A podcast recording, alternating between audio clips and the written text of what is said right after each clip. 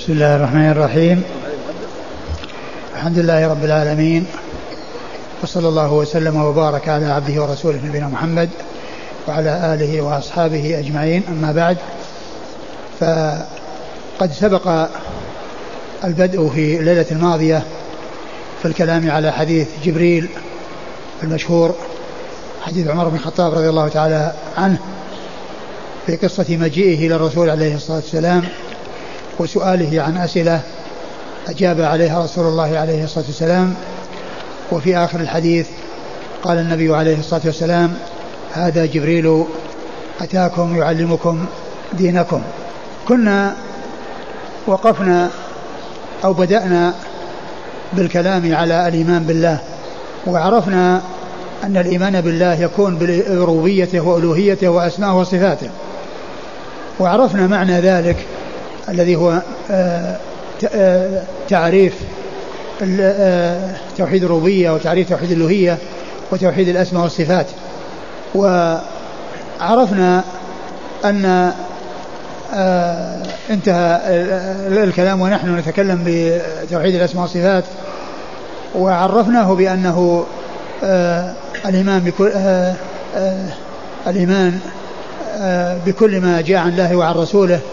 عليه الصلاة والسلام من الأسماء والصفات على وجه يليق بكماله وجلاله دون تشبيه وتمثيل أو وتكييف ودون تعطيل أو تأويل أو تحريف بل على حد قول الله عز وجل ليس كمثله شيء والسميع البصير وذكرنا أن أهل السنة وسط بين المعطلة والمشبهة.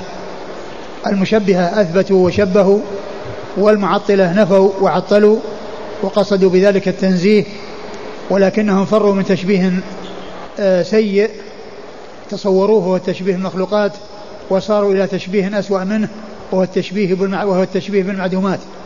وأهل السنة أثبتوا ونزهوا أثبتوا ونزهوا فهم مثبتة ليسوا بمعطلة ومع إثباتهم هم منزهة وليسوا مشبهة ولهذا فهم وسط بين هؤلاء وهؤلاء. ويقول أبو سليمان الخطابي ولا تغلو في شيء من الأمر واقتصد كلا طرفي قصد الأمور ذميم. فالحق وسط بين الطرفين المتناقضين. الطرف الذي شبه أثبت وشبه والطرف الذي نفى وعطل حتى صار المعبود بهذا النفي لا وجود له. وقد ذكر ابن عبد البر رحمه الله في كتابه التمهيد أن الذين ينفون الصفات يصفون المثبتة المثبتة بأنهم مشبهة.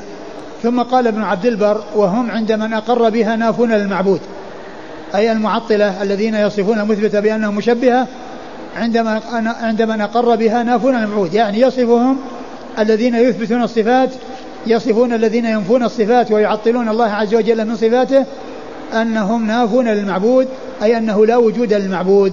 ما دام أنه نفيت عنه جميع الصفات فإنه لا يكون له وجود ولا يكون موجودا لأنه لا يتصور لا يتصور وجود ذات مجردة من جميع الصفات.